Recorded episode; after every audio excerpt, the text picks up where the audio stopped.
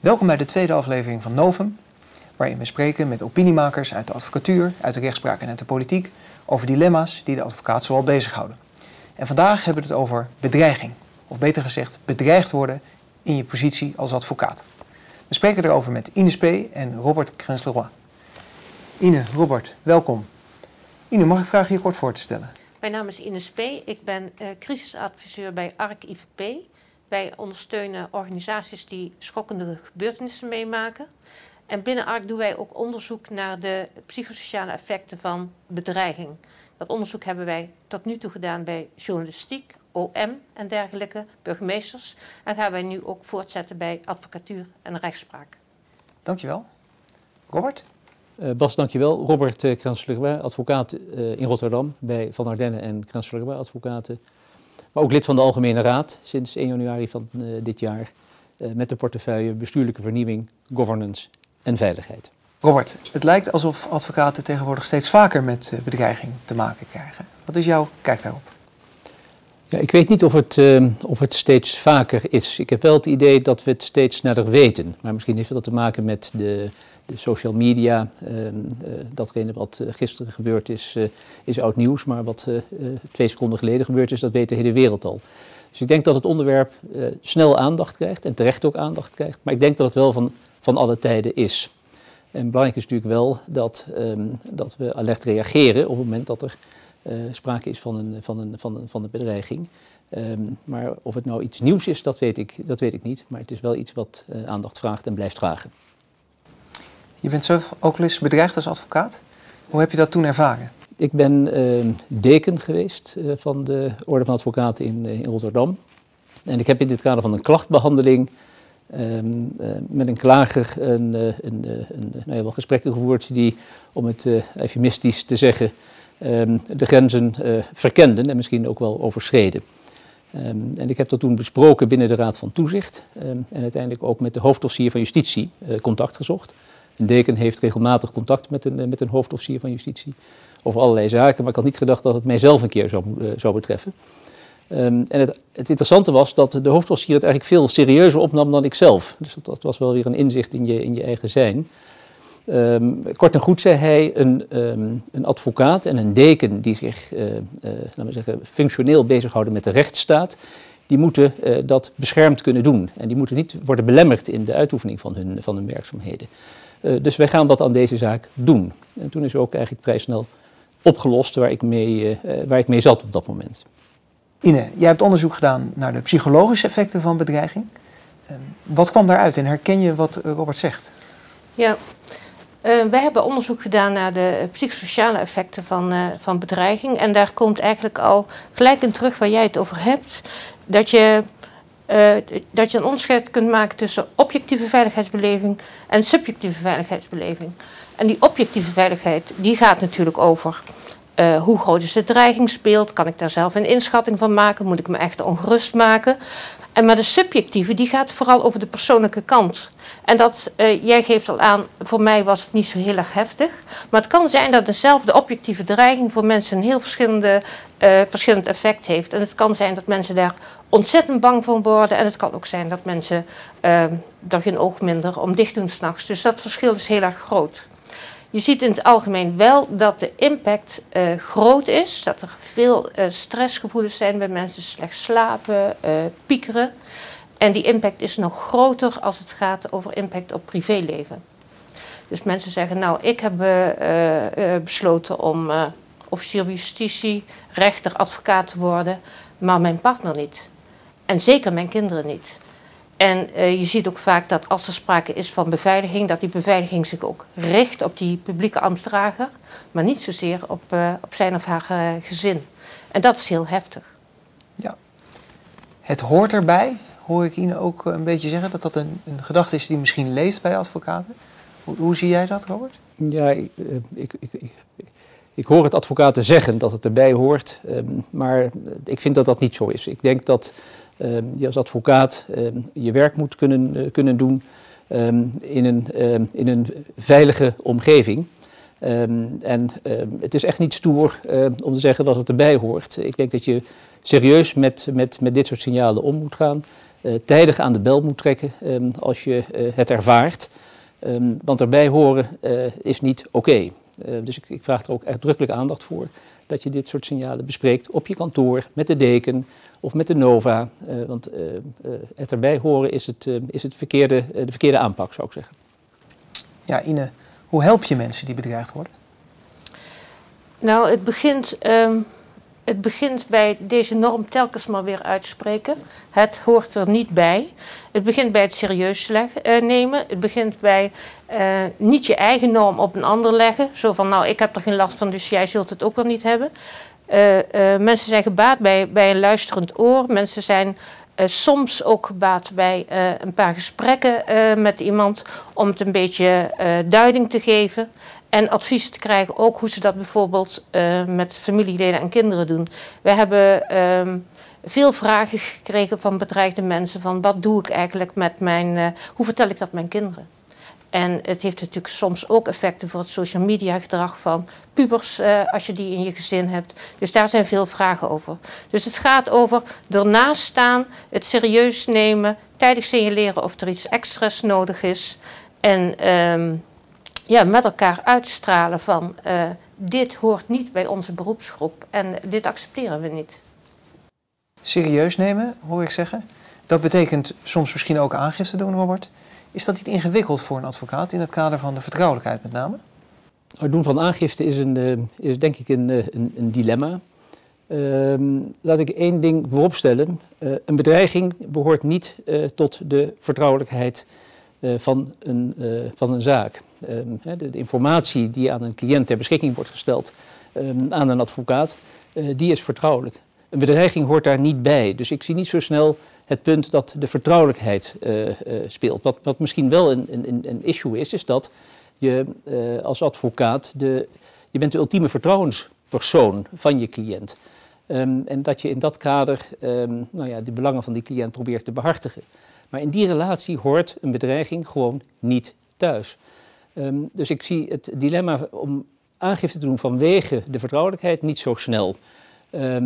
Ik begrijp wel dat het een lastig dilemma is, omdat je de zaak um, mogelijk uit handen geeft, maak je het niet groter dan nodig, hou je de controle nog wel, en dat zijn denk ik typische advocatenvragen.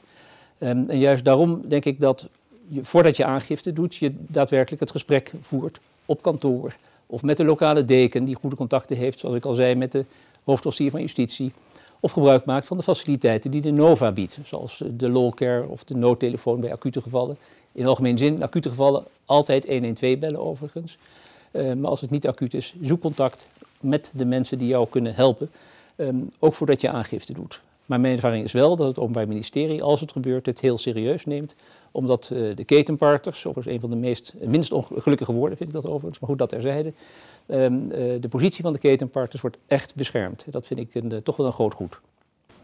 Zeker. En zijn er ook rechtsgebieden waarin je bedreiging vaker tegenkomt? Um, de verwachting is vaak dat de strafrechtpraktijk de meeste bedreigingen kent. Um, de strafrechtpraktijk kent inderdaad bedreigingen. maar er zijn helaas ook in andere praktijken bedreigingen bekend. Uh, en dat zijn de praktijken waar grote emoties een rol kunnen spelen. bijvoorbeeld in het personen- en familierecht, maar ook in, uh, bij advocaten die zich met, met faillissementzaken bezighouden. waar grote persoonlijke drama's zich, zich voltrekken met, met, met, met heel veel spanningen bij, bij mensen. Um, en advocaten die zich bezighouden met de, laat ik maar zeggen, de voormalige BOPZ-praktijk. Um, met, met hele kwetsbare mensen die, die nou ja, onder toezicht worden, worden geplaatst met alle gevolgen van dien. Um, er is veel contact. De NOVA heeft ook geïnventariseerd bij de specialisatieverenigingen waar mogelijk bedreigingen voorkomen, om een zo breed mogelijk beeld te krijgen van wat speelt er, ehm, wat voor bedreigingen spelen, waar zitten jullie mee en, en kan de NOVA daarbij een helpende hand bieden. omdat het natuurlijk zaak is dat we weten wat er speelt, um, om daar ook passende nou ja, tools aan te kunnen reiken om advocaten in staat te stellen om hun werk veilig in een verantwoorde omgeving te kunnen laten doen. Welke zijn die tools die de NOVA aanbiedt? Er is een, een aantal tools, maar misschien is het belangrijkste, denk ik, dat de advocaat zelf zich bewust is van het feit dat als er een bedreiging is, of die dan groot is of klein, ehm, dat hij dat bespreekt. Ehm, ik denk dat dat het belangrijkste is, want de advocaat is de eerste die daarmee te maken, te maken krijgt. Ehm, ik heb al eerder gezegd dat de, de Nova een, een, noodtelefoon heeft gecreëerd waar advocaten in nood kunnen bellen. mijn advies is overigens wel om tijdig dat nummer op te zoeken. Want nu moet je met je advocaten pas inloggen met een een of ander apparaat. Um, en uh, dat ben ik meestal kwijt. Dus als er echt nood aan de man is, uh, zou ik het maar gewoon in je telefoonlijst uh, opnemen. Maar dat even terzijde. Um, die noodtelefoon is er. als, het minder, als het echt urgent is, 112 heb ik al gezegd. Lawcare is een initiatief van de NOVA om um, met, met vertrouwensmensen, advocaten met, met, met bredere vragen, niet alleen bedreiging, maar bredere vragen, eh, te woord te kunnen, eh, te, te, kunnen staan. Ik denk dat dat een, eh, een mooi initiatief is. En heel recent heeft, heeft de NOVA de veiligheidsscan aangeboden. Een mogelijkheid voor, voor advocaten om te kunnen onderzoeken wat, de, um, wat nodig is om hun praktijk in, een, in een veilige omgeving te kunnen, kunnen doen. Waarbij een probleem is dat advocaten soms ook aan huispraktijk hebben en waardoor dus de praktijk en het huis heel dicht bij elkaar komt. Waar die veiligheid met name een issue kan zijn. Dus dat, dat, dat, vraagt dan wel bijzondere aandacht. Zeker. Ine, um, zijn dat maatregelen waarvan jij zegt, ja, die, die zijn effectief, die werken? Ja, dus je, je doet alle mogelijke pogingen om mensen de mogelijkheid te bieden om contact te maken. En om te zeggen van ik heb hier een probleem mee. Want, want uh, een van de dingen die we natuurlijk absoluut niet willen, is dat het invloed gaat hebben op de functieuitoefening. En dat mensen denken, ik laat bepaalde zaken maar lopen. We zien dat, we hebben onderzoek gedaan bijvoorbeeld bij wethouders en burgemeesters. En dan zie je dat bepaalde wethouders dan zeggen van, nou, uh, dat dossier laat ik nu eventjes aan mij voorbij gaan. Dan heeft het dus al invloed op je functioneren. Dus, dus jullie doen uh, allerlei handreikingen om A in beeld te brengen van, is er sprake van, van de effecten van bedreiging? En dan, als dat het geval is, kun je ergens terecht. En daar begint het, ja. Ja, ik denk dat dat ook de, de, de faciliterende rol is van de, uh, van de Nederlandse Orde van Advocaten. Um, maar ook van de lokale dekens, uh, die echt aanspreekbaar uh, zijn, is ook mijn eigen ervaring. Um, en, um, ja, en, en, echt bij twijfel, zoek dat contact, heb het overleg, probeer het op je eigen kantoor, maar houd vooral niet voor jezelf. want naarmate het langer duurt, kom je ook als advocaat, denk ik, vrees ik, in een, op een hellend vlak terecht. Um, en dat kan ook um, uh, uiteindelijk afbreuk doen aan je onafhankelijkheid uh, als advocaat. En dan, dan, dan, kom je in de gevarenzone. Dus voorkom dat, zo men En wat we in ons onderzoek ook hebben gezien, is dat mensen het vaak uh, fijn vinden om een soort lotgenotencontact te hebben. Even contact te hebben met een, met een collega die hetzelfde heeft meegemaakt. En om eens te horen hoe heb jij dat ervaren? Wat heeft jou geholpen? Hoe is dat in jouw gezin gegaan? Heb je er überhaupt over gesproken? Hè? Daar maken mensen ook verschillende afwegingen in. Dus dat kan ook heel ondersteunend zijn. Nee, ik denk, ik, um, ja, dat zie ik ook. Um, het is eigenlijk in het verlengde van de vraag um, uh, die eerder gesteld is van... Uh, het hoort er eigenlijk een beetje bij. Nou, daar, moet je, daar moeten we denk ik van, van af. Uh, en ga het gesprek aan. waardoor je ook uiteindelijk zelf minder kwetsbaar bent. Ik denk dat dat datgene is wat, wat, wat essentieel is. Ja. We gaan zo afronden. is er iets waarvan je zegt, dit wil ik echt nog even benadrukt hebben? Wat ik belangrijk vind is dat, um, en ik weet dat daar ook um, uh, uh, op dit moment gesprekken plaatsvinden uh, over de bescherming van de, van de NAW-gegevens van, van, advocaten. Um, een zorg is dat heel veel gegevens van advocaten bij de Kamer van Koophandel of bij andere overheidsinstanties bekend zijn. Een van de issues is bijvoorbeeld het, het UBO-register, waar, je, waar je als advocaat-ondernemer staat ingeschreven. Um, en dat jouw persoonsgegevens dus makkelijk te zijn, zijn te herleiden uh, op wie jij bent, waar je zit en wat je doet. Um, ik denk dat dat een belangrijk aandachtspunt is, um, ook voor uh, nader onderzoek van de, van, van de NOVA. Uh, dat, dat onderzoek zullen we ook gaan doen in contact met, met de specialisatieverenigingen. en daarnaast wat mij opvalt, is dat advocaten ook veel gebruik maken van, van, van social media foto's van zichzelf met hun kinderen op Facebook, whatever. Uh, en mijn advies zou zijn, doe dat nou niet. Um, want dat, uh, dan maak je je onnodig kwetsbaar. Ik zou dat, um, ik zou dat willen, uh, willen afraden, maar goed, wie ben ik? Mensen mogen het ook zelf weten. Um, maar wat mij altijd opvalt is dat er heel veel privégegevens eigenlijk automatisch worden gedeeld, omdat het privé is. Terwijl aan de andere kant je als advocaat voorzichtig moet zijn met de gegevens die je deelt. Dus dat is een, vind ik een belangrijk aandachtspunt. Dankjewel. Ine, iets wat jij nog wil zeggen? Ja, ik denk dat alles wat je bedenkt als handreiking, als tool voor mensen om te ondersteunen, alleen maar gedijt in een klimaat, in een cultuur waarbij het gewoon is om te zeggen dat je ergens last van hebt. En waarbij het gewoon is om daarover met elkaar in gesprek te gaan. En dat heeft natuurlijk ook te maken met die norm waar we het al eerder over hadden. Dit is niet normaal, dit heeft invloed, dit raakt je persoonlijk. En uh, als je aan die cultuur werkt, dan hebben uh, al die mooie initiatieven die jullie uh, zo mooi op een rijtje hebben, de meeste kans van slagen. Dus dat zou mijn hartekreet zijn. Dankjewel, Ine, Robert, voor jullie inzichten. Dat was het voor deze keer. Veel dank voor het kijken en graag tot de volgende aflevering.